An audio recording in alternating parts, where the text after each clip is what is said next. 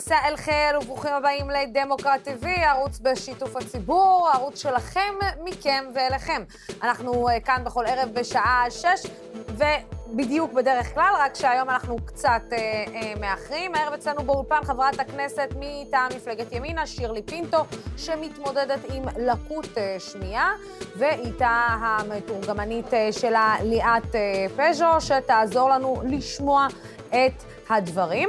חברת הכנסת אה, פינטו יזמה אתמול יום מיוחד בכנסת לציון היום הבינלאומי לשוויון זכויות לאנשים עם מוגבלויות. אנחנו נדבר על זה וגם על הפוליטיקה.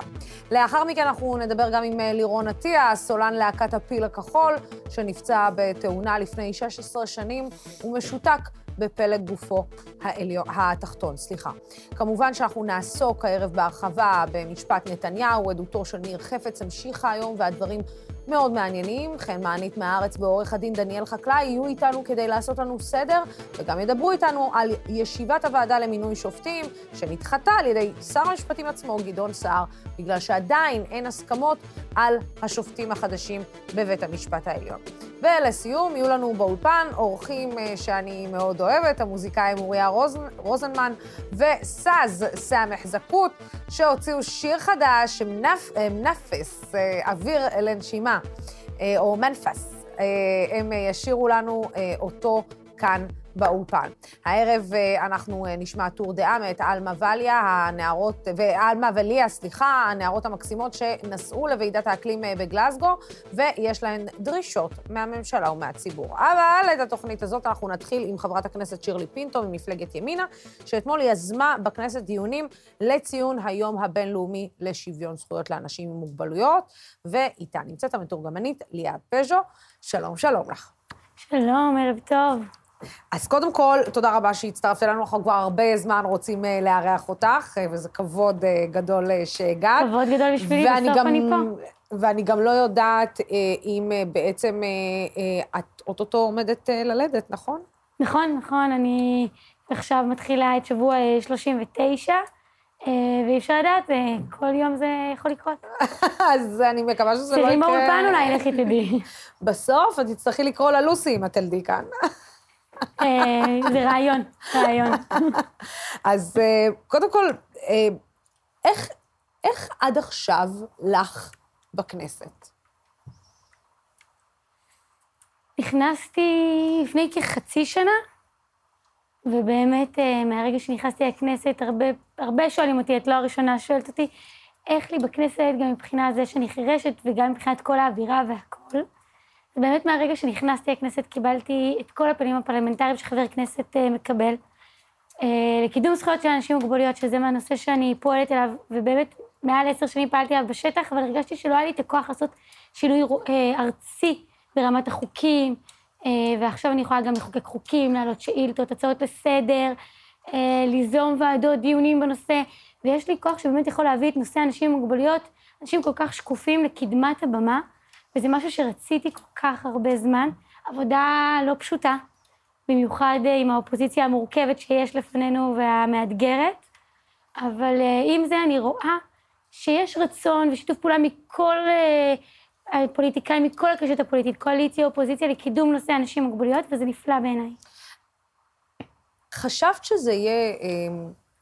את יודעת, אני, אני נגיד, כשאני מסתכלת עלייך, אני לא אגיד, אני לא רואה את, ה, את, ה, את המגבלה, אוקיי? או שנקרא לזה את הלקות, או אנשים עם מוגבלות, אבל אמ, חשבת אולי שלפעמים לא בא לך אה, להיות זאת שמובילה את המאבק הזה, זאת אומרת, לא להיות זאתי שהיא בעצם בכנסת הסמל לאנשים עם מוגבלות ולחוסר היכולת שלנו בכלל לראות אנשים עם מוגבלות ולהבין כמה חשוב לשלב אותם.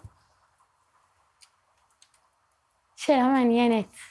אני חושבת על זה עכשיו תוך כדי שאת שואלת אותי, אה, אבל גם אם אני לא ארצה, זה חלק ממני. אני אישה חירשת, אימא לילד חירש, אה, חלק המשפחה שלי חירשים, יש לי דרך להתחמק מזה. יום-יום אני חווה את החסמים ואת הקשיים, כמו כל אדם עם מוגבלות, גם לי קשה. אני הולכת לקופת חולים, היא לא נגישה לי, אני הולכת לתיאטרון, אני לא מבינה שום דבר. אין לי דרך להתחמק מזה, זאת המציאות היומיומית שלי, מהרגע שאני קמה בבוקר עד הרגע שאני הולכת לישון, ואני מצורך כך מחויבת לקדם את הנושא הזה למיליון וחצי אנשים עם מוגבלויות, לילדים, לדור העתיד, אני לא יכולה להזניח את זה ולעסוק במשהו אחר. יש 119 חברי כנסת שעוסקים במגוון נושאים שגם הם חשובים, אבל לא צריך גם עוד קול נוסף בתחום הזה. אף אחד לא מקדם אנשים עם מוגבלויות ברמה הזאת, וזה מעל מיליון וחצי איש, שזה מטורף. ויש עוד אנשים שהם לא מוכרים בביטוח לאומי ולא נספרים עוד יותר. אנשים שואלים אותי באמת, מיליון וחצי, נו באמת, כן, בכנות, זה המספר המדויק בביטוח לאומי, ויש עוד שהם לא מוכרים, והם חייבים ייצוג בכנסת.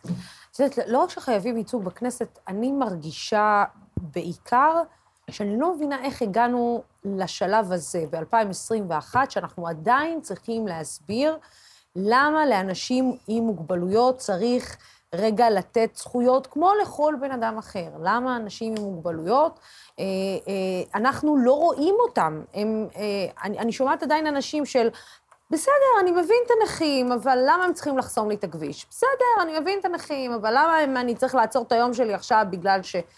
ואני חושבת שההפנמה הזאת, שכל אחד מאיתנו יכול בן רגע להיות עם מוגבלות, לא ממש נוחתת לנו בחברה הישראלית. מסכימה.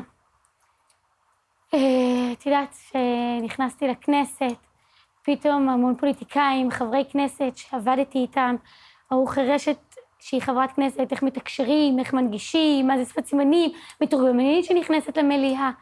ובדיוק הפינת הקטנה שלי בבית המחוקקים הביאה את החשיבות של הנגישות. אין כמו דוגמה, דוגמה בחיים, דוגמה חיה, לא דרך אדם שמייצג אנשים עם מוגבלות והוא בלי מוגבלות. אני חירשת בעצמי, חווה את הקשיים בעצמי, גם בכנסת לפעמים יש סיטואציות של חוסר הנגשה, ובאמת הכנסת היא גייסה ורוצה להנגיש את הכל, אבל גם הדרישות והבקשות של אנשים עם מוגבלות לפעמים לא מבינים למה זה חשוב. גם בכנסת, גם בחוץ, חייבים להפיץ את זה גם דרך החינוך, הסברה ועוד הסברה. ואני חושבת שאי אפשר חקיקה בלי הסברה, זה לא יעבוד, כי בסופו של דבר החוק ימות. את יודעת כמה חוקים יש במדינת ישראל שאפשר לעבור, אני רואה בספר החוקים חוקים משמעותיים, אבל הם מתים, כי אין להם שום שטח, שום ביטוי בשטח ובחיי היום-יום של האזרח. צריך שהמדינה תיקח חוק ותפנים אותו, ותכיל אותו על ידי הסברה וחקיקה ביחד. אי אפשר לעשות מיליון חוקים, אבל בסוף לא יהיה להם ביטוי. בגלל אני פועלת כל הזמן גם בהסברה והסברה, וזו עבודה קשה. זה ייקח זמן, אבל uh, לצערי, גם באירופה וגם בארצות הברית, הם מתקדמים הרבה יותר מאיתנו מבחינת המודעות. יש לנו עוד הרבה עבודה לעשות, ואני עושה כל שבי שיכולתי, שבכנסת הזאת לא יהיה שום דבר שלא יצמצם את הפער של אנשים עם מוגבלויות. את מרגישה שהנושא הזה, אמ, גם בנושא הזה יש אופוזיציה וקואליציה? אה, אני הגשתי הצעת חוק אה, על הנגשת תשדירי חירום תשדיר חירום, אני מדברת עם ראש הממשלה הולך ונואם על הקורונה, על עלייה בתחלואה, על מלחמה לא עלינו, שיהיה תרגום לשפת סימנים, שיהיה כתוביות, שיהיה פישוט לשוני, מיליון וחצי אנשים עם מוגבלויות שלא מבינים. תשדיר כל כך חשוב שראש הממשלה עושה לאזרחי מדינת ישראל, או, או שר ביטחון, או כל דבר, צריך להצביע מתורגמן, כתוביות, פישוט לשוני, תיאור קולי, הכל צריך להיות לכל אזרחי מדינת ישראל. הגשתי הצעת חוק שתנגיש את זה. יותר מ-64 חברי כנסת חתמו על זה, קואליציה, אופוזיציה, כולם. אני חושבת שאנשים עם מוגבלויות, הנושא הזה, אין פה קואליציה ואופוזיציה. זה פשוט עם ישראל, אנשים עם מוגבלויות נמצאים גם במגזר הערבי, גם במגזר הבדואי, גם במגזר היהודי, גם אה, נוצרי, כולם, כולם, כולם, כולם, כולם יש אנשים עם מוגבלויות, ובגלל זה הנושא הזה הוא כל כך רחב, זה אחד מתוך חמישה אנשים. אני אה, אשאל אותך רגע, נתחיל להיכנס רגע, לצלול לעניין הפוליטי. אמ, אני אשאל משהו קצת אה, חסר טקט, אם, אם זה בסדר. תרגישי חופשי.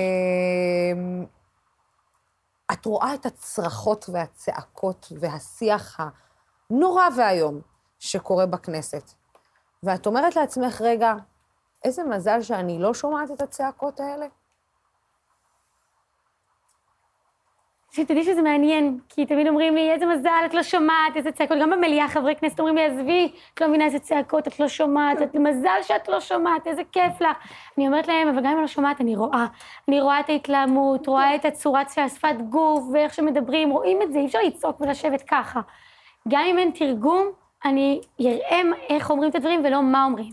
עם התרגום אני מבינה כמובן מה אומרים. חושבת שהכנסת והפרלמנט הישראלי, שאלתי את מזכירת הכנסת אם אי פעם היה דבר כזה, אמרה לי, זה בושה, 30 שנה אני עובדת פה בחיים, לא ראיתי כנסת מתנהלת ככה. זו התנהלות מזעזעת בעיניי, ואנחנו חייבים לחזור לדרך הישר. וזה מבזה את, ה... את משמר הכנסת אפילו, את אזרחי מדינת ישראל. את, את, אה, היה איזשהו רגע שאמרת אה, לחברים שלך באופוזיציה, למה? זאת אומרת, למה הגענו למצב, למה, למה ככה, למה בצורה הזאת? הם עונים את אותה תשובה, הממשלה גרועה, צריך להחליף אותה, זה דעתם, אבל אני חושבת שיש דרך אחרת להיות אופוזיציה. ובכלל, הממשלה הזאת היא ממשלה שמביאה הישגים אה, בתוך חצי שנה, דברים שלא נעשו פה שנים, שהיה מתפקדת, שהעברנו תקציב שדאג לכל מגזר ומגזר, תקציב חברתי ברמה הכלכלית-ביטחונית, הכל. ואחרי כשלוש וחצי של שיתוק עם מגפה שעברנו, אני לא רואה את זה כממשלה גרועה.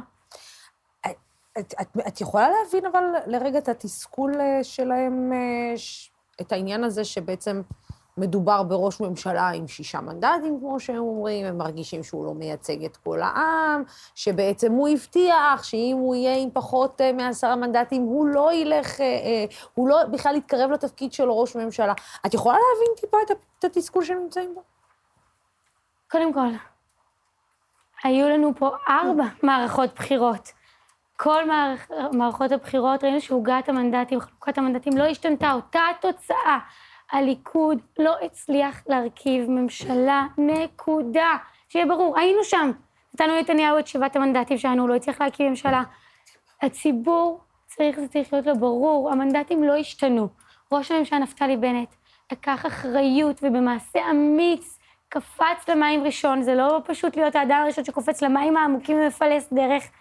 לקח את הכוח הפוליטי שהוא קיבל, והקים איזה ממשלה וקואליציה, זה מטורף, זה דבר גאוני, הוא הוציא אותנו מסחור של פוליטיקה, ולקחת אחריות, שבעצם רוב העם, זה מה שהוא רוצה, ממשלה מתפקדת. הוא הצענו, גם היינו עם הליכוד ואמרנו בוא נקים ממשלה, הם לא הצליחו, ניסינו להקים ממשלה אחרת, הליכוד יכול לבוא, סמוטריץ' יכול לבוא, כולם יכלו לבוא. וגם עדיין הם יכולים להצטרף, ברוכים הבאים, בואו נרחיב את הקואליציה, בואו. קשה לכם באופוזיציה, אתם רוצים לקדם דברים, לשתף פעולה, בואו למען אזרחי מדינת ישראל בבקשה. יצרנו פה מעשה אחראי להקים ממשלה שתדאג לאזרח על סביב חוגת המנדטים הקיימת. וזה אחרי ארבע מערכות בחירות שהליכוד לא הצליחו להקים ממשלה. את בכלל רואה איזשהו מצב שבו האופוזיציה מצליחה לשתף אה, פעילות עם הקואליציה כרגע? את רואה בכלל מצב, ואני אוסיף עוד שאלה. המצב של נפתלי בנט תמיד בסקרים, לא שאנחנו על, על סף אה, בחירות, כן, אבל אנחנו תמיד בתקשורת אוהבים אה, לעשות אה, סקרים כאילו אנחנו שנייה לפני בחירות. את רואה אה, אה, את המצב בסקרים ואת אומרת, זאת הייתה החלטה נכונה, אה, על אף עיבוד המנדטים, על אף חוסר ההתחזקות, על אף חוסר, איך נגדיר את זה, ה, אה, זה שבעצם בוודאי, לא רוצים... בוודאי, בטח, חד משמעית. אה, קודם כל, יש לי שאיפה, שכמובן ימינה תעלה בסקרים, ואנחנו נעשה את זה, וימינה הולכת וגדלה, אני מאמינה ויודעת שאנחנו נגיע למספר גבוה של מנדטים.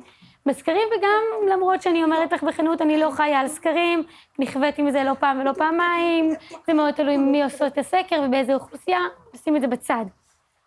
אבל שוב, כן, אני יכולה להגיד, כמו שאמרתי קודם, ראש הממשלה נפתלי בנט עשה את זה מתוך טובת העם, טובת מדינת ישראל, הציבור. זה מנהיגות שלא נראתה פה שנים. קל לו להגיד, אתם יודעים מה? אני לא אקים ממשלה, אני אלך עוד פעם למערכת בחירות, ועוד מערכת בחירות, לא רוצה לשבת עם אף אחד, לא רוצה לפתור סכסוכים, לא רוצה לטפל בעם, לא בכלכלה, לא בחברה, לא בבריאות, אני אופוזיציה לוחמנית, ובואו נעשה עוד בחירות ועוד בחירות ועוד בחירות. הוא אמר, לא, יש לנו פה מדינה, יש לנו פה אזרחים, שחשוב לנו שהם ירגישו בנוח לקום בבוקר, ללכת לעבודה, לחיות את החיים שלהם בלי לדאוג לאיך הם סוגרים את החודש. שלוש וחצי שנים לא היה מנהיגות שכזאת. לפני שהייתי חברת כנסת, זה מה שבער בי, לראות מדינה שמתפוררת, זה מטורף, בגלל אינטרסים פוליטיים כאלה ואחרים. לא, אסור לתת לנו זה לקרות, לשים את הדברים בצד, לפעול למען מדינת ישראל, יש לנו קורונה, מצב כלכלי שהידרדר, צריך להעלות אותו, צריך לעבוד למען האזרח. ובאמת אני מאמינה שהעם יראה את זה ויצביע. את יודעת, בסוף יש ביקורת גם על הממשלה הזאת. זאת אומרת שנאמרו הרבה מאוד דברים והרבה מאוד הבטחות, אה, מלבד נגיד חוק החיילים אה, שעבר והעלאת אה, שכר החיילים, אבל הרבה מאוד הבטחות נאמרו לפני הבחירות, ואנחנו רואים שלא ממהרים לקיים אותם. אה, למשל הכספים הקואליציוניים, למשל אה, אה, כל מיני חוקים שמהססים אולי להעביר אותם או לא להעביר אותם. איילת שקד, שלא ממש ממהרת להעביר את החוק של ראש ממשלה שיש עליו כתבי אישום, ש... שהוא לא יוכל לרוץ לראשות ממשלה. את מבינה את התסכול הזה? זאת אומרת שהציבור אומר, רגע, רגע, הבטחתם משהו ועכשיו אתם קצת מגמגמים? הממשלה הזאת היא ממשלה מורכבת. יש פה גם ימנים, גם מרכז וגם שמאל. ממשלה לא קלה, קואליציה לא פשוטה. אה, מעול, אני חושבת שרוב ממשלות מדינת ישראל היו או בשמאל או בימין, מעולם לא הייתה לנו ממשלה מורכבת שכזאת. לאחד כל כך הרבה כוחות, כל כך הרבה סיעות ביחד זה לא פשוט. אנחנו בימינה באמת שמנו לנו למטרה לשים את, הערכ... את הערכים שלנו לקידום ולמינוף כלכלת הכלכלה והחברה במדינת ישראל שנפגעו מאוד בשנים האחרונות, בטח בגלל משבר הקורונה. נושאי הקצה שיש עליהם מחלוק, מחלוקות, דת ומדינה, כל הדברים האלה של ימין ושמאל, שמנו אותם כמובן ברגע הדברים בצד. טבעי שזה יעלה, טבעי שימשיכו המחלוקות ושיהיו דיונים על הנושא. אני יודעת שהקואליציה עושה לילות כימים, ימים כלילות, באמת בשביל לשבת עם כולם, להגיע לתובנות, להסכמות, לדבר ולראות איך אפשר לפתור את הדברים, שזה דבר יפה. זה מה שצריך להיות במדינת ישראל. לא צריך, זה שצריך לקרות גם בלוד וביפו, בערים מעורבות, גם שם דברים כאלה צריכים לקרות, שיושבים ביחד, מדברים על הדברים שמתווכחים עליהם ומוצאים את הפתרונות היותר טובים. זה הפנים היפות של, של מדינת ישראל. מדינה מגוונת, עם הון אנושי מגוון, זה המצב, אי אפשר להתעלם מאף אחד. לכל מיעוט יש דרישה ורצון. צריך לשבת ולראות איך פותרים את הדברים. ועדיין, חברת הכנסת אה, פינטו, את מרגישה שזה נכון לא להעביר את החוק של אה, מועמד לראשות ממשלה שיש עליו כתבי אישום, שהוא, לא, שהוא יוכל לרוץ לראשות אה, ממשלה? לגבי החוק הזה, אני כשירלי, מאוד קשה לי לראות ולתת את הכוח את הכוח הכל כך גדול הזה לפקיד, שהוא לא נבחר ציבור, להחליט מי יהיה ראש ממשלה ומי לא יהיה ראש ממשלה בניגוד לרצון הציבור. הציבור בעצם מצביע לאיזושהי מפלגה שמקבלת הרבה מאוד מנדטים, ובעצם פקיד מסוים מחליט לתת לו כוח מסוים בגלל חשד לכתבי אישום, הוא עוד לא נאשם. יש, יש לו את חזקת החפות, לי זה מאוד קשה כאדם ליברלי ודמוקרטי. אבל כמובן שיש עוד שיקולים. אני לא סגורה על הדעה שלי. גם בימינה לא הגענו להחלטה. אנחנו נשב כולנו בסיעה ונדון על הנושא, ואם את שואלת אותי, כן, יש לי קושי עם זה. יש קושי עם זה. אמ, קודם כל, תודה רבה על, ה, על, ה, על הכנות שלך, כי זה לא, זה, זה לא ברור מאליו שחבר כנסת בא ואומר, וואלה, אני רגע שנייה לא סגור על עצמי, ורגע שנייה אני מתחבט בעניין הזה, ו, באמת, ואני זה, חייבת זה להגיד, שאפו על, על הכנות. אמ, אני, אני, אני כן אקח אותך אה, אה, למקום, לעניין המדיני. את יודעת, אה, הממשלה הזאת חרתה על דגלה לא להתעסק בסוגיה הישראלית-פלסטינית, מהסיבות שאת אמרת, מהסיבות שאמרת שבעצם יש ימין, יש שמאל, יש מרכז, יש ערבים, יש יהודים, זה יותר מדי אולי מורכב, ואחת ההחלטות שהיא קיבלה זה לא להתעסק עם ההיבט המדיני, עם העניין הישראלי-פלסטיני. אבל אנחנו רואים מדי יום שאי אפשר להתעלם מהשכנים שלנו, אי אפשר להתעלם עם, מהפלסטינים, אנחנו חווים את זה ביום-יום, והקיפאון הזה בסוף יכול להוביל אותנו אולי למצב יותר גרוע מהמצב שהיינו בו עד היום, של הצהרה, לפחות הצהרה של, של נתניהו, שהוא אמר, הוא לפחות אמר אין פרטנר. כאן אומרים, לא, אנחנו בהקפאה, אנחנו לא דנים על זה בכלל. זה נראה לך בכלל נכון שאנחנו בעצם מתעלמים מבעיה שאנחנו מתמודדים איתה כל יום? כמו למשל גם האלימות של המתנחלים כלפי הפלסטינים, הפיגועים של הפלסטינים כלפי, אה, אה, כלפי אזרחים ישראלים. אי אפשר להתעלם מזה. הנושא הפלסטיני, זה כבר נושא שמתעסקים פה שנים על גבי שנים, לא נראה לי הייתה פה ממשלה במדינת ישראל שלא דנה בנושא, אה, וזה טבעי שהנושא הזה עולה, זה חלק ממדינת ישראל שנמצאת באזור טריטוריאלי שכזה. הממשלה הזאת באמת מנסה להימנע מלהגיע לסכסוכים שיכולים להרוס את היציבות שהמדינה כל כך זקוקה לה כרגע. כרגע אנחנו פותרים את הנושאים המהותיים ב- בתוך מדינת ישראל. כמו שאמרתי, נושאי קצה שכרגע אנחנו שמים אותם בצד. אני לא חברת ועדת חוץ וביטחון, ופחות גם מתעסקת בתחום המדיני, יותר בחברתי. ואם את שואלת אותי כחברת כנסת איך אני רואה את הדברים, אני מעדיפה שנבריא את החברה שלנו, שנש... שנאחד את החברה, נמצא לה פתרון, ואחר כך נתעסק בדברים שבחוץ. כי החברה פצועה, גם בנושא האזרחי, גם בנושא החברתי, גם בכלכלה, יש המון מה לעשות.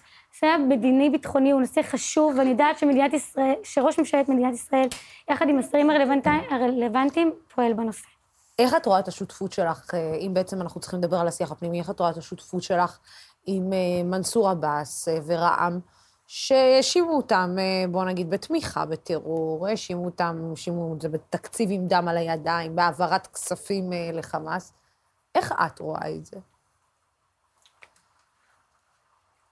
קודם כל, אה, כמו שאת אומרת, נושא של אנשים עם מוגבלויות, אמרנו, נושא רחב, יש לי שותפות עם כל המפלגות, מימין, משמאל, יהודים וערבים. לי יש אינטרס שהחברה הערבית בישראל, לכולנו צריך להיות האינטרס הזה, שהחברה הערבית במדינת ישראל, מבחינה חברתית, מבחינת החינוך וגם בנגישות, בעיקר בעיקר בנגישות, תעלה רמה. אני לוקחת פה את ההזדמנות שרע"מ חלק מהקואליציה, ולמנף ולקדם את נושא הנגישות גם בערים הערביות.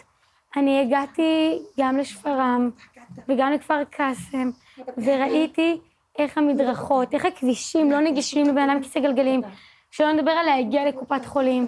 אי אפשר לחיות במדינת ישראל, אזרחי מדינת ישראל לא יכולים לחיות כך. אני כן רוצה מאוד לשתף פעולה עם כל הקשת הפוליטית, גם עם רע"מ, גם עם הימין וגם עם השמאל, עם כולם, כולם, כולם. כמו שאמרתי, לנושא החברתי אין ימין ושמאל, אנחנו, זה זכויות אדם בסיסיות. אגב, ממה שאת רואה באמת אה, במגזר הערבי, בחברה הערבית, יש פחות, עוד, עוד פחות, לפחות ממה שאני מכירה, ומה שאני יודעת, יש עוד פחות מודעות מהחברה היהודית בכלל לכל נושא בטח, המוגבלויות. בטח, הרבה פחות.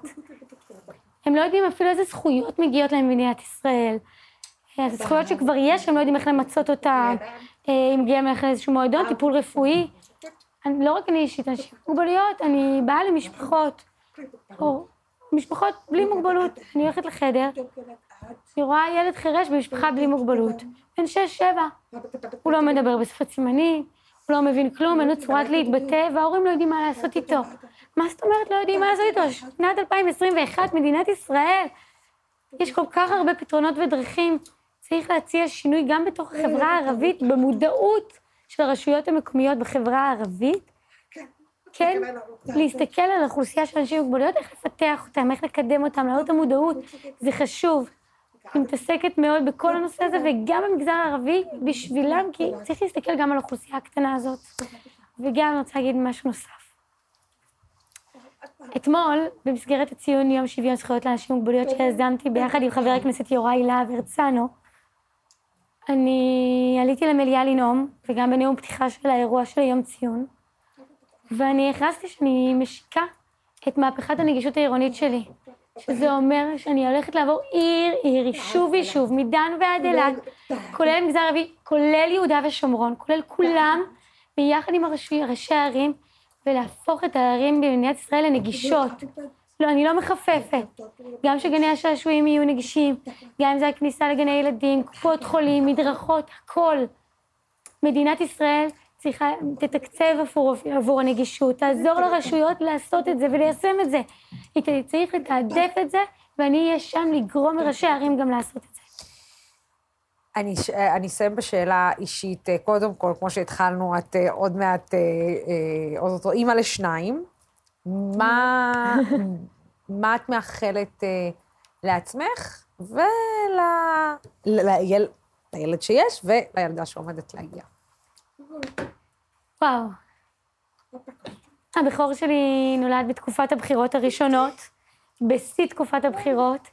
אה, אני, איך שילדתי, באמת זו הייתה תקופה מטורפת, חזרתי למערכת בחירות, והיא נולדת בקדנציה, באמצע הממשלה, ואני מאחלת לשניהם שיראו את מדינת ישראל יציבה, לא בחירות על גבי בחירות, לא איומים על בחירות, לא ממשלה מתנוענעת, מדינה יציבה שדואגת להם, שרואה אותם, ושיהיה להם ייצוג כמו שצריך. זה מה שאני רוצה.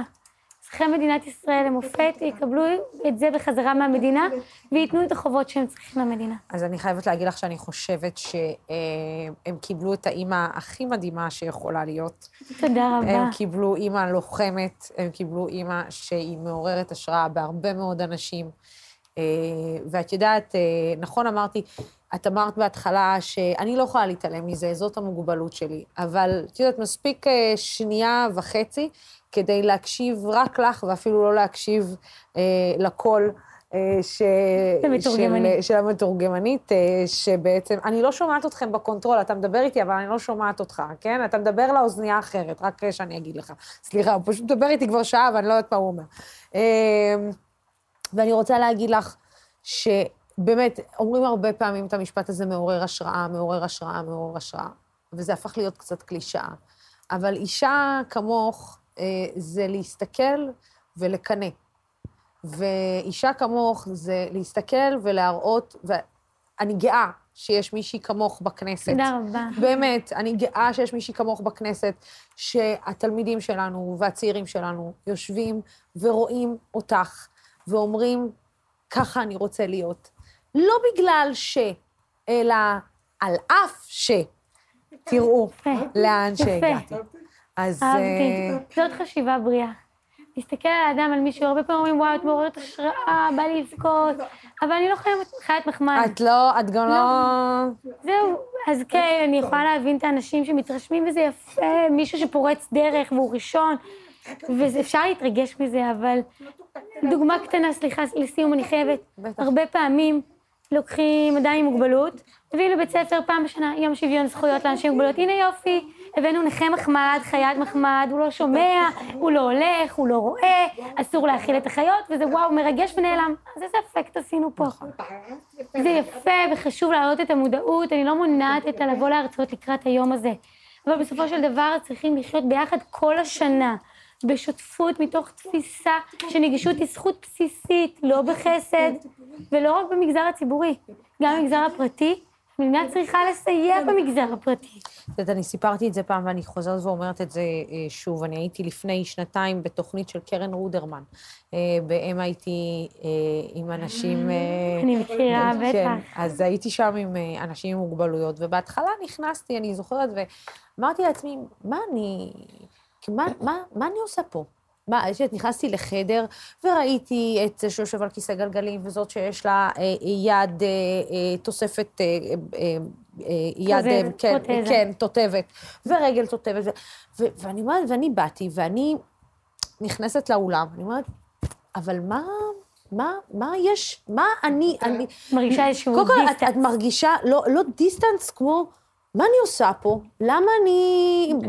כי את לא רגילה, זאת הבעיה שלנו, שאת לא גדלת ככה. בדיוק, ובפעם הראשונה כשנכנסתי לשם, את יודעת, גם קיבלתי חדר במלון, ובהתחלה לא הבנתי, היה מעקה ומקלחת מאוד גדולה, ולא הבנתי, ואז פתאום קלטתי שבעצם המקלחת מאוד גדולה, לא כי שדרגו אותי בחדר, אלא המקלחת מאוד גדולה כי היא בעצם לאנשים עם מוגבלויות. זה בארצות הברית, רמת הנגישות שם, על המלונות בארץ לצערי, המצב הרבה פחות טוב. אומרים, יהיה בסדר, נסתדר, עושים בערך, נרים, נכניס. שם הנגישות, זה ערך שיש גם כבוד לבן אדם, זה בסיס של הבסיס, לא צריך להתווכח על זה, על האם צריך להנגיש ולא להנגיש, פה צריך להתחנן לנגישות. אני חושבת שמה שלמדתי בעיקר, אה, קודם כל, אה, בפעם הראשונה, ואני חושבת שזה היה השיעור הראשון, כשנכנסתי, אמרתי, מה אני עושה פה? פעם ראשונה שהרגשתי שונה, ואני חושבת שהרגשתי בדיוק מה... כי הרגשתי שונה בהרבה מאוד מובנים ודברים אחרים בחיים שלי, אבל uh, נכנסתי והרגשתי בדיוק מה זה uh, כשאתה בעצם רגע, את לא מבינים איך להת, להתנהל מולך. אז פתאום אחרי יום הבנתי שעם הבחורה החירשת אני צריכה רגע, אה, כשאני רוצה לבוא לדבר איתה, רגע לתת לה כזה כאן, ולהגיד לה, אני, כן, לגעת בה ולהגיד לה, רגע, ולהסתכל לה בעיניים ולהסתכל לה על הפה, ושהיא תסתכל עליי. ו... ואני חושבת שבסוף בסוף, אה, הם גם לימדו אותי משהו מאוד חשוב, החבר'ה שהיו איתי שם, זה שלא להגיד אני לא רואה את המוגבלות שלך. המוגבלות היא קיימת והיא נמצאת. נכון. אה, אבל אני רואה אותה, כי אם אתה תראה אותה, אתה גם תוכל לעזור לי שאחרים יראו אותה. אז, אה, אבל אל תרחם עליי, שזה, אני, אני לא בדיוק. מסכן. לא רחמים, רחמים זה נורא, חמלה, זה מוביל למקומות שאנחנו לא שם, לא שם. אני רוצה שתראי את זה שאני חירשת, ושתכירי בזה. זה חלק ממי שאני, ואני רוצה שהחברה תנגיש את עצמה אליי, ואני אנגיש את עצמי אליה. תגידי לי, שירלי, את חירשת, את סובלת מחירשות. אני לא סובלת מחירשות, ליום אני לא סובלת מחירשות, לשנייה. אני סובלת מחוסר המודעות והנגישות של החברה. מזה סבלתי הרבה, ועדיין סובלת. שירלי, אה, תודה, תודה על מי שאת. ותודה, אה, אה, אמן שתישארי בכנסת כמה שיותר, ותמשיכי לייצג אותנו בכבוד כמה שיותר. ותמשיכי להביא אה, ילדים שיהיו בדיוק ככה, במה שאת עושה ואיך שאת עושה, כי, כי, לש, כי זה מה שאנחנו צריכים. ובן כמה אדם כבר? אדם בן אה, שמונה חודשים, אוי, איזה מתוק. הוא חמוד. כבר זוכר? הוא זוחל, הוא כבר עונה, הוא כבר מנהל שיח, הוא עקשן, הוא... כן, כן, יש לו כבר. אה, יש לו כבר אישיות. כמו אימא שלו. כן, כן, אני מתלוננת. אה, שירלי, תודה רבה רבה לך. תודה רבה, תודה, לוסי. היה לי כבוד ועונג, תודה רבה לך. תודה רבה. כן, ועכשיו אה, יש לנו אורח שתמיד אה, כיף לשמוע, לירון עטיה הוא סולן אה, להקת, ותודה רבה לך, תודה. ליאת, תודה רבה. לירון עטיה, הוא סולן להקת הפיל הכחול, להקה שהוא הקים אחרי תאונת סנואובורד שעבר בשנת 2005. לירון משותק בפלג גופו התחתון, מה שממש לא מנע ממנו לפתח ולפתוח בקריירה מוזיקלית, ואפילו, ואפילו להצליח. אפילו, ערב טוב, לירון. היי, ערב טוב. מה קורה, מה שלומך? בסדר, איזה כיף היה לי לשמוע את השיחה שלך עם אה, שירלי. היא מדהימה. כאילו, קיוויתי שזה ימשיך עוד חצי שעה. האמת שבאמת. היא אישה. מדהימה, היא אישה מדהימה, ואתה יודע, כל כך מבאס אותי שבאמת המילים האלה, את המילים האלה, מעורר השראה, הפך להיות לקלישאה, אבל... אבל כן. המילים האלה קיימות לנשים כמוה, זה, זה מה שיש לי אה, אה, להגיד. מסכים. אבל אה, לירון, באמת, בוא רגע נדבר על זה. אני חושבת שאחד הווידאוים הכי, אה, הכי ויראליים או לאחרונה שנראו, זה, ואחד הדברים שדובר עליהם הכי הרבה, זה הרגע שבו בעצם אתה נכנס לבמה על כיסא גלגלים, ובעצם מרקיד קהל שלם, ו... ו- ו- החברים שלך דואגים שזה יהיה מונגש, שאתה תוכל להיות שם, שאתה תוכל להיות uh, חלק, אבל זה לרוב, לצערנו, בוא נודה על האמת, uh, בחברה הישראלית, uh, זה, כמו שאמרה את זה שירלי, לא רואים את זה. לא רואים את זה, אנחנו לא, לא שמים לב שבעצם uh, זה יכול לקרות לכל אחד מאיתנו, כמו שאתה, כמו שאתה עברת את זה. נכון. אני ממש, אה, זה הפתיע אותי לחלוטין. אה, כל הסיפור הזה של הכיסא גלגלים, זה קרה לי בגיל 18. הייתי לפני זה, את יודעת, אה, נער אה, רגיל עם חלומות ומה, לאן אני אתגייס בצבא ומה אני אעשה אחרי הצבא, ומאוהב בבחורה הזאת בשכבה ואז באי, ובכלל לא חשבתי שזה משהו שיכול לקרות לי, ברמה ש, שגם כשהתאונה קרתה, לקח לי המון זמן, כאילו קודם כל הייתי מופתע שאני בכלל יכול להיות בכיסא גלגלים, אני בכלל לא הבנתי את זה בגיל הזה, שזה משהו שהוא אה, יכול לקרות לכל אחד, ושזה לא אה, חייב אה, להיוולד עם זה או משהו כזה, זה ממש כאילו היה רחוק ממני. אה, ופתאום כשאמרו לי את זה, שיש סיכוי מאוד מאוד גבוה שאני אהיה בכיסא גלגלים לכל החיים, אז אה, זה היה ממש אה, שוק, וזה גם לקח לי המון זמן באמת להבין את זה. יש דרך אה, מאוד ארוכה מהרגע שאומרים לך את זה, עד הרגע שאתה באמת מבין את זה. זה לא רק ש... אני חושבת, אתה יודע, מה שהכי מתסכל, אני חושבת, זה לא רק שאנחנו לא מבינים את זה, אלא אנחנו... איך נגדיר את זה? יש אנשים שפשוט מנצלים את זה. אם זה בשדה תעופה, ואם זה במטוסים, ואם זה בהופעות, שעל הכל גובים מבן אדם עם מוגבלות יותר, כי כאילו הוא צריך יותר עזרה. כן. והדבר הזה לא, לא ברור לי איך הוא מסתדר עם עם הרצון ש... עם זה שאנחנו אומרים, אנחנו צריכים להנגיש, אנחנו צריכים אה, להיות, אה, אה, לגרום לאנשים להיות אה, חלק, לאנשים עם מוגבלויות להיות חלק, כשאנחנו בעצם רק מקשים עליהם את החיים עוד יותר, ואף מקשים עליהם כלכלית בעניין הזה.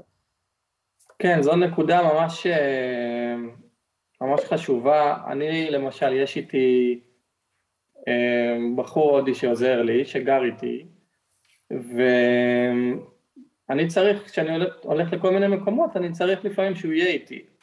במיוחד אם זה למשל להופעה, שזה מקום אה, מאוד עמוס באנשים ומאוד צפוף, אז אני צריך שיהיה איתי מישהו, שאם אני ארצה לשתות מים או אם דבר כזה, יהיה מישהו איתי שיעזור לי לעשות את הדברים האלה, להביא את זה מהבר, כי אין אפשרות באמת לעשות את זה.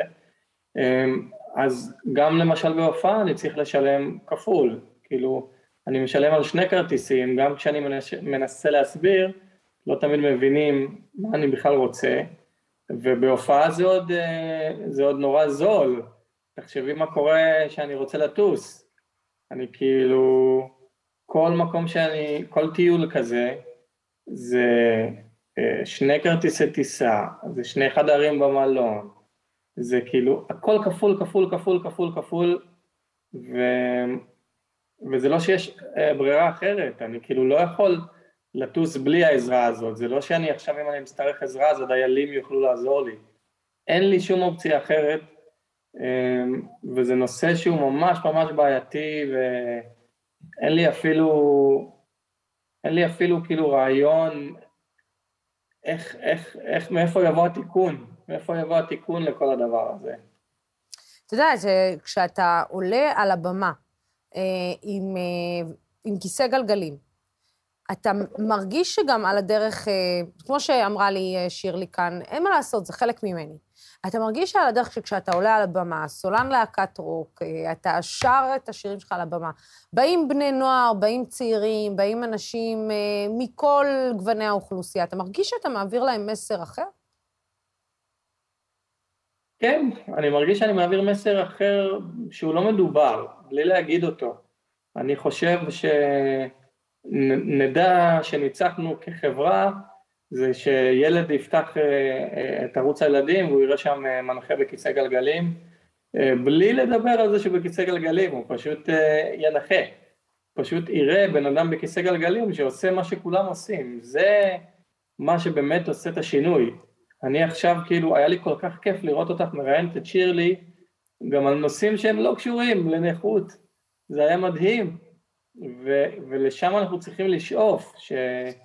אה, זה גם מה שאני מרגיש בהופעות שלי, שאנשים באים, הם לא באים כי אני בכיסא גלגלים, הם באים כי הם מאוד אוהבים את השירים. ברור. ולהופעות מגיעים, אה, אה, המון אנשים מגיעים, כאילו עכשיו חזרנו להופיע והגיעו אלף איש ושבע מאות איש וחמש מאות איש לכל מיני הופעות. וגם הופעות קטנות יותר, שהן יותר אינטימיות, של 200 ו-300, וכולם הגיעו בגלל השירים. זה שאני שם עם, עם כיסא גלגלים, זה רק אה, לדעתי נותן איזה ממד אה, נוסף לכל העניין, אבל זה ממש, אף אחד לא בא בגלל שאני בכיסא. לא, זה, זה ברור לי אה, לגמרי, אבל אתה יודע, אני אומרת, כש, כשאנשים מגיעים, אני חושבת שלפעמים אתה, איך אומרים את זה בשפה העממית, אתה מקבל את הכאפה, אתה מסתכל ואתה אומר, אה, רגע, שנייה, כאילו... אה, אתה, אתה לרגע מקבל לא רק מוזיקה, אלא אתה גם מקבל איזשהו מסר, ואני מניחה שזה משהו נכון. ש, שכשרואים אותך ושעוזרים לך לעלות על הבמה ומעלים אותך עם הכיסא גלגלים, זה איזשהו מסר שעובר גם לאנשים של, חבר'ה, בואו, כאילו, אנחנו, אנחנו 20 אחוז מאוכלוסיית העולם, אני חושבת שזה מה שאנשים מפספסים. אנשים עם מוגבלויות הם 20 אחוז מאוכלוסיית העולם, ואנחנו לא מבינים איזה כוח... אה, אנוש, אה, אנושי והון אנושי אנחנו מפספסים, כי אנחנו מונעים מאנשים אה, להגיע למקומות עבודה, להנגיש, להיות חלק מ... אני חושבת שזה בעיקר העניין. אז, אז לגבי מה שאמרת הרגע, עשינו איזשהו שינוי מאוד גדול. מה שאמרת עכשיו, שאנשים באים להופעה והם רואים ארבעה אנשים שמרימים אותי לבמה, אז זה מה שהיה פעם, זה מה שהיה בסיבוב הקודם של הפיל הכחול, אה, ככה היו נראות ההופעות, מתחילה הופעה וארבעה-חמישה אנשים שסוחבים את הכיסא לבמה, ומעולם אה, אין הדרן, כי זה סיפור לרדת ולחזור. אמ, ועכשיו, בסיבוב הנוכחי, אין את זה יותר. אנחנו החלטנו כלהקה שאנחנו מופיעים רק במקומות נגישים, גם לבמה וגם לקהל, אני ארחיב על זה בטח עוד מעט עוד, אבל במיוחד לבמה. אמ, זה אומר שאנחנו או, או מופיעים במקומות שיש גישה מאחורי הקלעים לבמה, mm-hmm. או שאנחנו בעצמנו בונים רמפה לפני המופע, כאילו רמפה כמו שצריך, ואני עולה לבד, ואני יורד לבד, ואנשים רואים אותי עושה הדרן סוף סוף, אחרי עשר שנים שמעולם לא קרה, וככה זה צריך להיות. לא אגב, אתה לא, שיראו... אתה, לא מופיע, אתה לא מופיע במקומות שהם לא מונגשים גם uh, לקהל? כן, זה, זה כל העניין שעכשיו אנחנו עבדנו עליו מאוד מאוד קשה. אני מבחינתי, אה, אני אגיד לך את האמת, אני לא אוהב להופיע, אני, אני סובל מזה. אני, קשה לי נורא, אני לא אוהב לדבר מול כל כך הרבה אנשים אה, כשאף אחד לא עונה, אני לא בנוי ללחץ הזה שלפני. אה, אז אני מדבר בשם עצמי שהסיבה העיקרית לזה שחזרתי להופיע עכשיו, היא כדי לתקן את הדבר הזה, את כל עניין הנגישות, כי בזמן שלא הופענו יצא לי ללכת המון אה, להופעות כקהל, ו, וסבלתי לא פחות מ, מאיך שסבלתי כאומן. זה אומר שכל הופעה שרציתי ללכת, מלבד זה ששילמתי כפול כמו שדיברנו, היה גם את העניין של לברר המון זמן לפני, האם נגיש או לא נגיש, ואף אחד לא מבין שנגישות זה גם לא רק עניין של יש מדרגה או אין, זה אם יש שירותים, אם יש גישה לשירותים, ואם, וכאילו זה, זה באמת שאלות ש... שאנשים, אה, אני אחזור אליך, אני אחזור אליך, אני לא יודע. זה ו... גם לראות, לראות את ההופעה, לראות את ההופעה. כן, ו... כן, ואז מגיע הרגע שאני מגיע להופעה, וברוב המקרים זה פתאום אה, בכלל אה, מופע מידה, ואני לא רואה כלום, אני זרוק שם מאחורי כולם, שילמתי 400 שקל, אני רק רואה גב של אנשים, וזהו, בהרבה מקרים גם פשוט הלכתי הביתה באמצע, אפילו לא באמצע, אחרי שיר אחד, וזה הגיע למצב שפשוט הפסקתי ללכת להופעות, הפסקתי לצאת למסעדות, הפסקתי לטוס לחו"ל, הפסקתי ללכת למלונות, אני פשוט, לא היה לי כוח כבר, הכל כאילו חוויה רעה על חוויה רעה על חוויה רעה. אז אה, החלטנו שבהופעות שלנו, אמ, אנחנו דואגים לזה, כמו שאנחנו באים עכשיו להופיע ואנחנו אומרים למקום, אני צריך מוניטור כזה ו- ו- ומיקרופון כזה, אז אני גם צריך שתהיה נגישות. זה אומר שהקהל, אה, אם יש קהל שמגיע בכיסא... דן, אנחנו לא מצליחים, אה, אה, לצערנו, לירון התנתק לנו. אנחנו ננסה, ננסה, יש לנו אותו? לפחות נגיד לו, נגיד לו לפחות אה, שלום, אה, אז לא. אז אה, אנחנו קודם כל נגיד לו תודה רבה ללירון, הנה הוא, הנה הוא, הנה הוא. כן. כן, זהו, נתקעת לנו. רק שניפרד... אוי, באיזה חלק? לא, בחלק של, ה, של אנשים שמגיעים וצריך לדאוג שהם יראו את ההופעה, בחלק, בחלק שעבר. אני רק אגיד לך, קודם כל תודה רבה. אה, ש, שמצאת לנו את הזמן אה, בתוך אה, ההופעות ומסע ההופעות שלך לעצור ולדבר איתנו. אבל אני גם אגיד לך שתראה, אבא שלי לא שומע מוזיקה עברית, אבל יש שיר אחד בעברית, אחד ויחיד, שהוא מאוד אוהב, וזה השיר, של, השיר שלכם, יסמין, של הפי הכחול. אז אני רק אגיד לך שבאמת, כשהבנתי שאבא שלי שומע את השיר הזה בלופ, עוד מהימים אה, שהשיר יצא, הבנתי שכנראה אבא שלי, ערבי, ששומע, אתה יודע, אום כלתום ופריד אל-אטרש ועבד אל-חלים, וזה לא, לא מדבר אליו אה, דברים אחרים. הבנתי כנראה שהצלחתם להגיע לכל, לנגן על כל מיתר שיכול להיות. אז, איזה כיף לשמוע. אז זה אני אגיד לך באופן אישי, ותודה רבה לך, לירון, בלי שום קשר, על המוזיקה, האומנות ועל מה שאתה עושה. תודה, ואנחנו מופיעים בבאר שבע ברביעי, בלילה סגול, אז תבואו לתמוך ותבואו לראות ולשמוע. רביעי בדצמבר, בבאר שבע, תבואו לתמוך, תבואו לשמוע, תבואו ליהנות. אני אשלח את אבא שלי, הוא בדימונה, אולי אני אשלח אותו לבוא להופעה שלי. תודה רבה רבה לך, לירון, תודה רבה. תודה. כן, ועכשיו אה, אנחנו נדבר על אה, משפט אה, נתניהו ועל הוועדה למינוי שופטים. נתחיל עם עדותו של ניר חפץ, שממשיך לספק כותרות במשפט נתניהו, והיום הוא אמר שאתר וואלה היה מגויס לניצחון נתניהו, והוא גם סיפר בהרחבה על הסרטון של הערבים נעים לקלפי ועל הלחץ שהופעל כדי שבוואלה יפרסמו אותו בידיעה הראשית. נמצא איתנו באולפן חן מענית אה, מעיתון הארץ, שלום, שלום לך, איזה כיף אה, לראות אותך שוב. אנחנו אה, נפתח עם משפט נתניהו, ולאחר מכן אנחנו נדבר על הוועדה למינוי שופטים, שדחתה היום את ההצבעה שהייתה אמורה להיערך היום, אבל בואו נתחיל, כל יום הוא מספק פצצה אחרת, מתברר ניר חפץ. לא דברים שלא ידענו שנאמרו אולי מההדלפות שהיו. כן. כן, ניר חפץ בא והייתי אומר שבסך הכל הוא מספר את הסיפור שהתביעה מספרת, הפרקליטות מספרת. איך אה, נתניהו השפיע באופן מאוד משמעותי אה, דרך אה, הזוג אלוביץ' על אתר וואלה, על כל הסיקור שם, ובאמת היום הוא העיד על משהו מאוד חשוב, על אותו סיפור של הערבים נעים לקלפיות, כן. אנחנו מדברים על הבחירות של 2015, כולם זוכרים את זה, וניר חפץ מתאר איך נתניהו, מהבוקר של יום הבחירות, איך הוא מתחיל להילחץ, איך הוא, איך הוא מרגיש שהדברים בורחים לו מבין הידיים, ו, ואז הוא בעצם משחרר את הדבר הזה. של הערבים נעים לקלפיות, כדי להמריץ את הציבור נכון. הימני ללכת ולהצביע.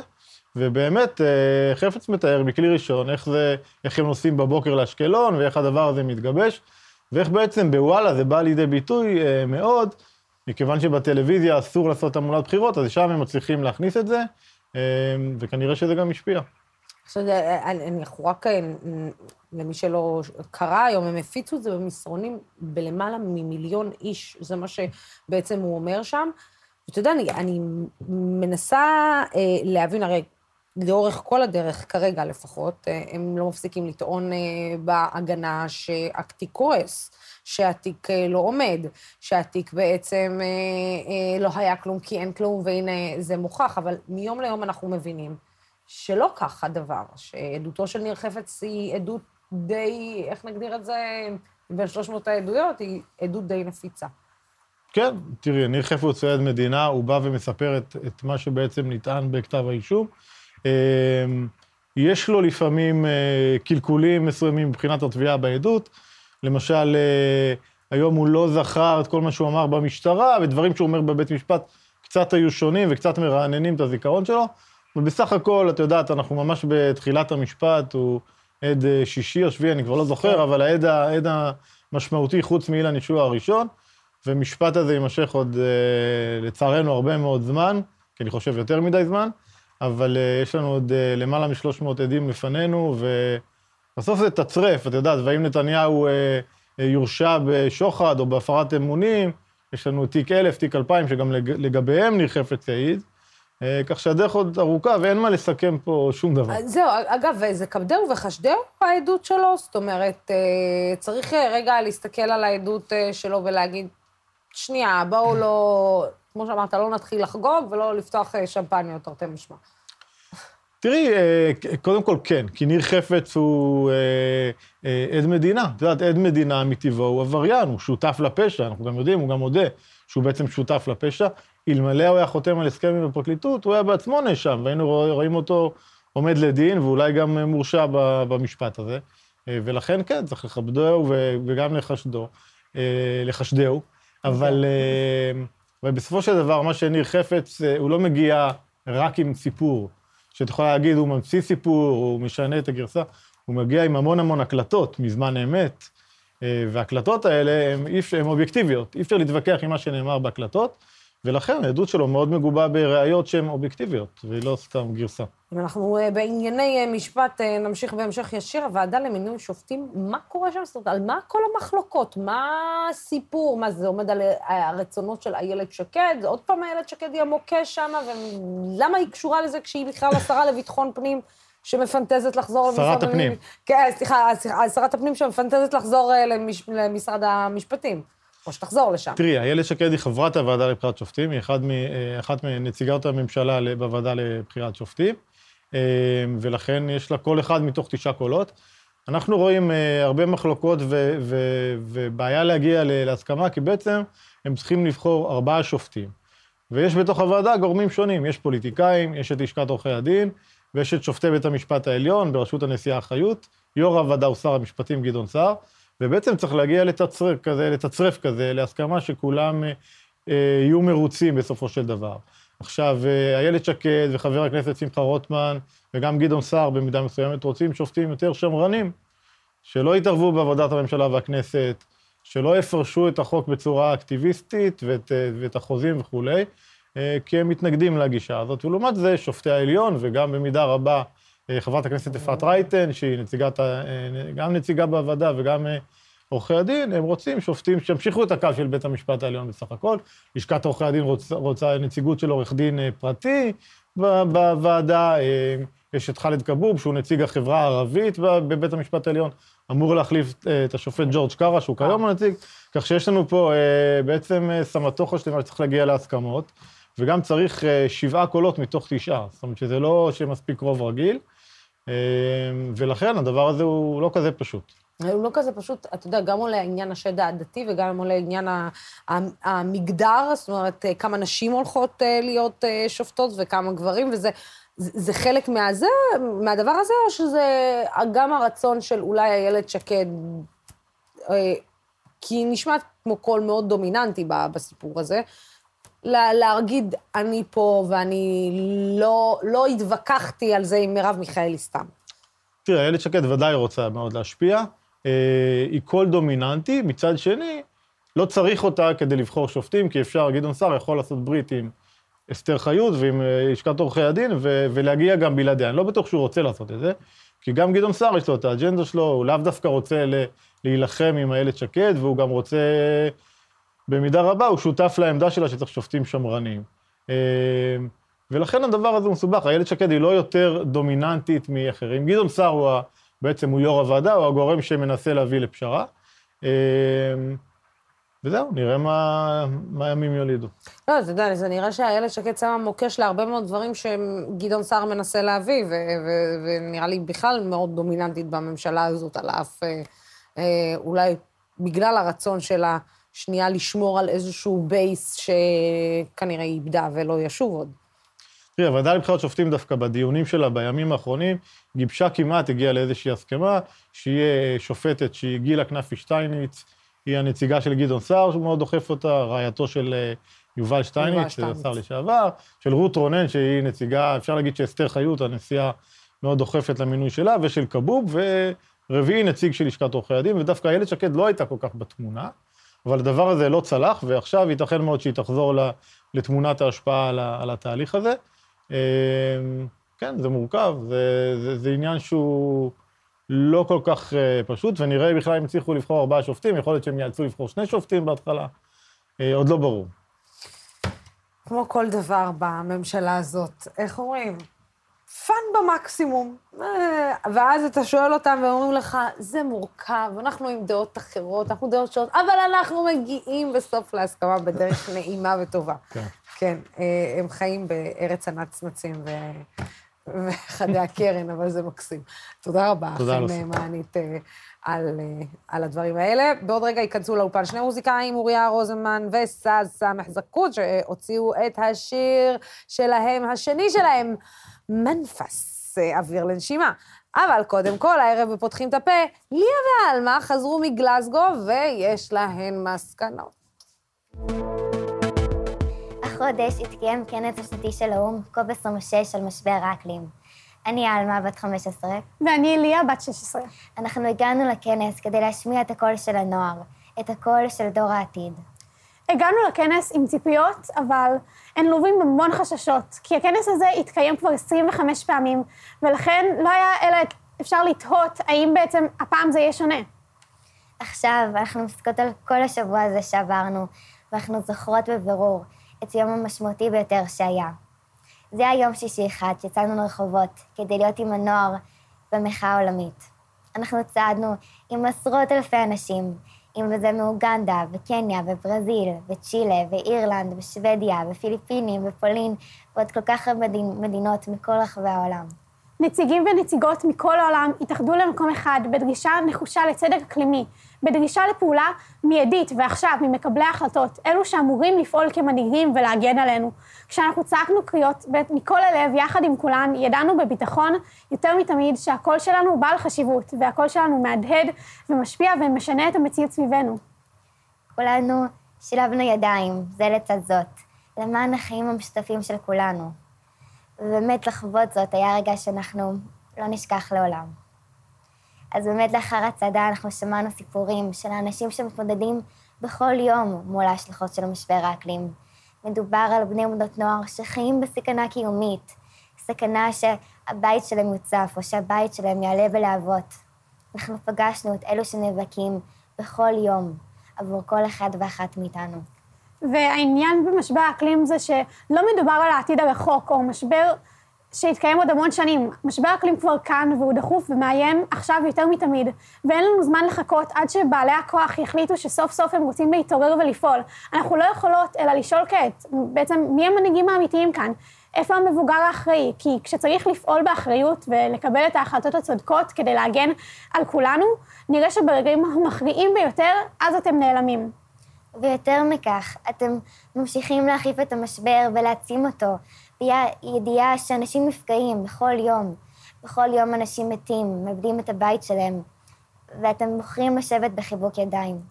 וכשהיינו באותו יום במחאה, הרגשנו את הכוח שיש לנו, הציבור, כשאנחנו פועלות יחד. אנחנו המנהיגות האמיתיות כאן, אנחנו הקול של התקווה. לכן עכשיו אנחנו חוזרות לארץ נחושות מתמיד ולהמשיך לפעול ולהשפיע עד שמקבלי ההחלטות יתעוררו ויתחילו לפעול כדי לעצור את המשבר הזה.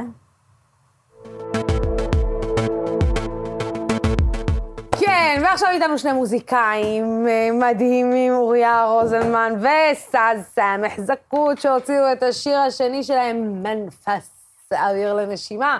זאת לאחר ההצלחה האדירה של הקליפ הראשון שהוציאו, בואו נדבר דוגרי. אז מה נשמע? מה קורה? CNN, BBC, עולם, מה קורה? אנשים, כאילו הכל התחיל בקטן קטן, בתוך מוסך ב... בדרום תל אביב, ו... זה התחיל אצלו בראש קודם כל, זה החזון. התחיל אצלו בראש. קודם כל אצלו, אחרי זה נכון. המסך. זה התחיל אצלו בראש, ו... וזה התגלגל. אתם בכלל צפיתם את ההצלחה המטורפת הזאת? אני אתה. טוב, קודם כל יש לנו הפתעה בשבילך. כן. כי אנחנו מאוד אוהבים אותך. אני גם מאוד ולא ראינו. אותך מאז שג'יפתי אדם, אם אדם. זה מתנה מעמו סמך לא ועמו אוריה. נכון. כן, זה הפתעה, זה משהו מגניב, שיהיה לו חם כשקר לו. מן עמו סמך אוריה. כן, כן, כן. זה קודם כל באמת, אני אלביש אותו ואשלח לכם. את יודעת, זה קודם כל ברכה מאיתנו באמת, תודה מכל רבה, הלב. תודה רבה. והוקרה על מה שהיה, כי נגיד לך את האמת, אני רציתי להתחיל לדבר, אבל משום מה, מאז ההצלחה וכל החיבור הזה, נהייתי ספיצ'לס. אז אני באמת מעביר את המייק לשותף שלי, כי באמת, מטורף. לא הרבה יודעים שהגעתי אלייך עם השאלה, עם, ה, עם, ה, עם הבקשה לקונטרה, לעזרה, להכוונה, ובאמת האישור שנתת לי וההכוונה שנתתי לפגישה עם הבן אדם הזה, השפיע מאוד על החיים שלי. באתי עם איזה רעיון, ומשהו שעבדתי עליו לבד, מסע שעשיתי וראיונות שעשיתי עם ערבים ויהודים ברחבי הארץ, והכנסתי פרספקטיבה אחרת, שלא הייתה לי ולא הכרתי לפני כן.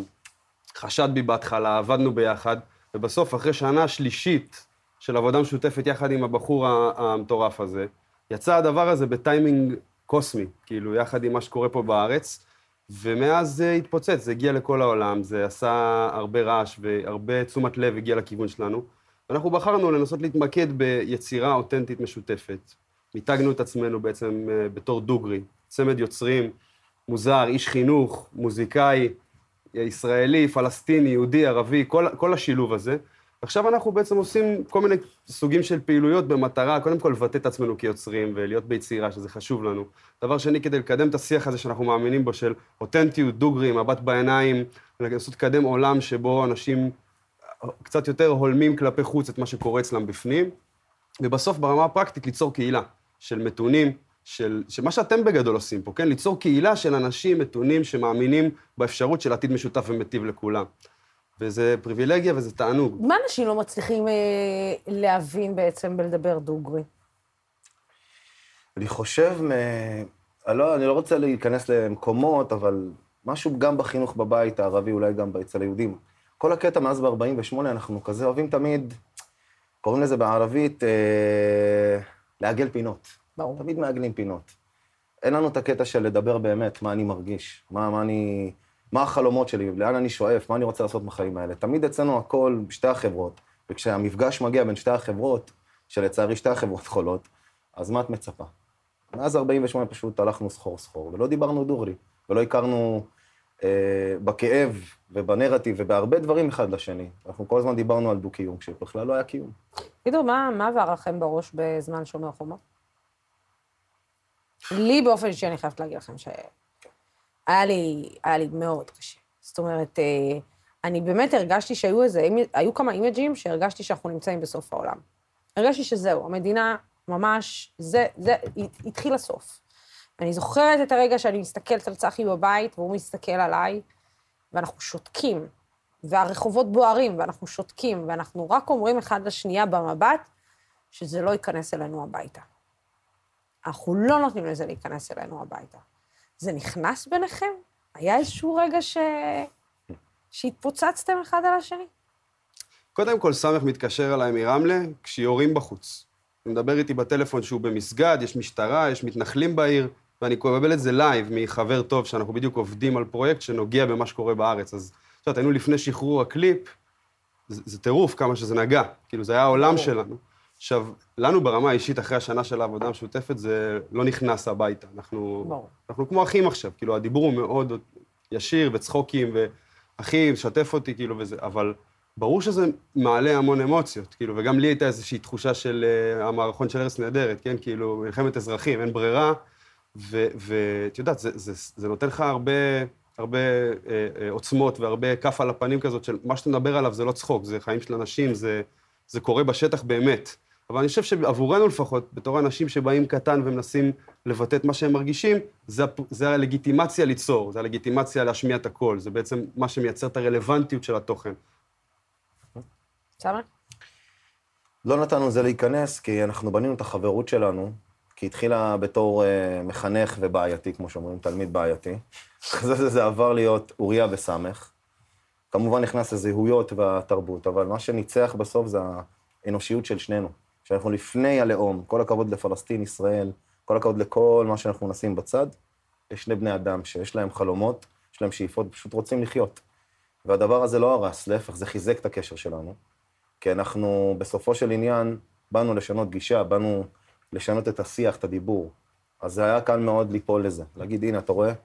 וכל כמובן מי שהשתתף, לא משנה מאיזה צד, הוא לא מייצג את כל היהודים ואת כל הערבים. צריך תמיד להבדיל, להבין. הפרט לא יכול לקלקל את כל הכלל. אז uh, להפך, זה חיזק אותנו, חיזק אותנו נורא. ופשוט אנחנו לומדים לאט-לאט איך לשפר, ובאמת, איך המערכת היחסים הזאת שהפכה להיות uh, משני זרים לשני חבר'ה הכי טובים, באמת. טוב, שרים? יאללה. יאללה. את משלמת? אני לא, אני לא משלמת שום דבר. אבל אין בזה חשבון. אני מאז זה, נו, אני מאז זה, אני לא משלמת, אני לא, זה, אני מגיע לי, אני, כשאתם תהיו, אה, תמלאו באולמות ענקיים בעולם, אני רוצה שורה ראשונה. מדיסון סקוויר גארדן?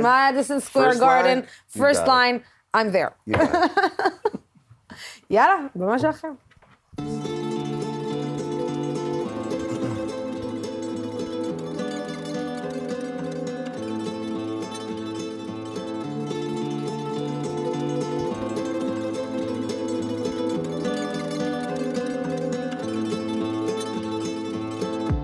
سيئين ولا جاهلين عنا حياة وبنحب نعيش. بنحب العيلة بنحب الربيع بنحب البحر بنحب نعيش بسلام. علقانين بين عالمين بين اندماج لمقاومة بين الرملة وغزة. حياتنا مركبة فيش عنا منفس فيش عنا منفس.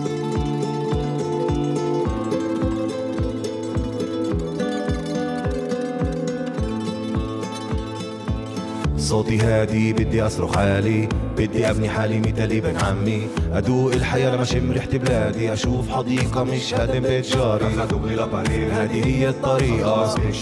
ما نستنى دقيقة. بدنا أصوات جريئة. فيش عنا منفس فيش عنا منفس.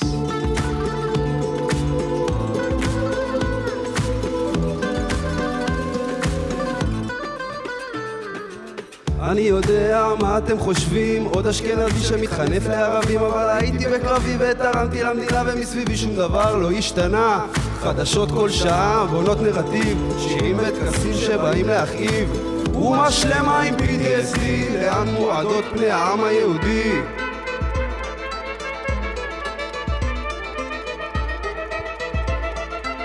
מנהיגים שצועקים חזק, אני מרגיש מחנק וכל קול מתון מושתק فيش عندي منفس فيش عندي منفس فيش عندي منفس فيش عندي منفس. قاعد مزع شي هاكي نفاق يلا بينا رفاق الخارج خارج النطاق اللي يبي الغاب اللي يبي الغاب اللي يبي الغاب اللي يبي الغاب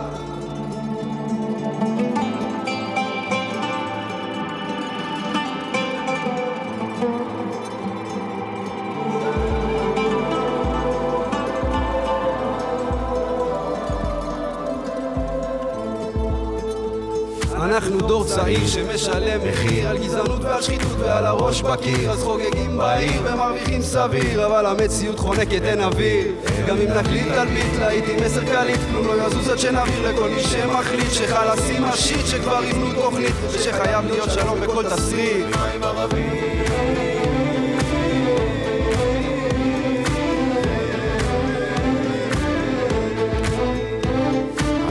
Yeah. كلام بجور كلام بالفعل صفر ولا شبر بس كله تمام. يعني اللي فكرته حدي حط سكينة بظهر عني سمعت خبر كتير خلص بكفي فيك عني ضيعت سنين. تعرف قلبي شو مالي التهيت ما بلوم من نفسي عدت سنين صرت عنيد. قاعد استودم لحالي لو العالم. كله مطفي. فيش عندي منفس. فيش عندي منفس. فيش عندي منفس. فيش عندي منفس.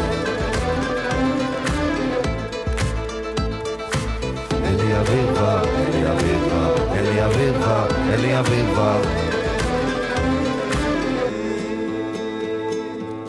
תודה רבה לדמוקרט TV וללוסי על האירוע חכם והתמיכה בצמד החדש שלנו, דוגרי. جماعة تنسوش تنضموا للإنستغرام يوتيوب فيسبوك تبعنا دغري دغري project please follow and we have to say it let's talk straight فيش عنا منفس אתם עושים. כן, אנחנו כאן ב live בדמוקרט TV. כן, כן, הנה ה control על הרגליים, איזה כיף. טוב, תסלחו לי חברים, אני צריכה לחזור לשידור, אנחנו פשוט בשידור חי. רגע, ניפרד מהצופים. מיד אחרינו כיכר שכיר עם יוסי לוי, והפעם תוכנית סוערת במיוחד עם זהבה גלאון ומאיר עוזיאל. תודה רבה לצופים ולשותפים של דמוקרט TV. התוכנית הזאת אפשרית רק בזכותכם, בזכות אנשים אה, כמו סאז ואוריה, כפרה עליכם, איזה צמד אליפות. בימים אה, כמו אלו הולכת ומתחדדת החשיבות של ערוץ תקשורת שלא מפחד להביע עמדה נחרצת בעד הדמוקרטיה ובעד שלטון החוק, בעד המאבק בשחיתות ובעד מגוון של דעות. המהדורה המרכזית של דמוקרט TV בימים ראשון עד חמישי בשעה שש. מחר תהיה פה טל שניידר, שתחליף את אמילי אמרוסי. אנחנו נתראה ביום ראשון, ועכשיו, ערב טוב ליוסי לוי, כיכר סחריר, מסע אל חיר. ערב טוב, לוסי, ערב טוב לצופים ולשותפים של דמוקרט TV. הערב אנחנו בכיכר סחריר עם זהבה גלאון ומאיר עוזיאל. נדבר על דודי אמסלם, עדות ניר חפץ, הוועדה לבחירת שופטים ומימון אברכים. בואו נצא לדרך.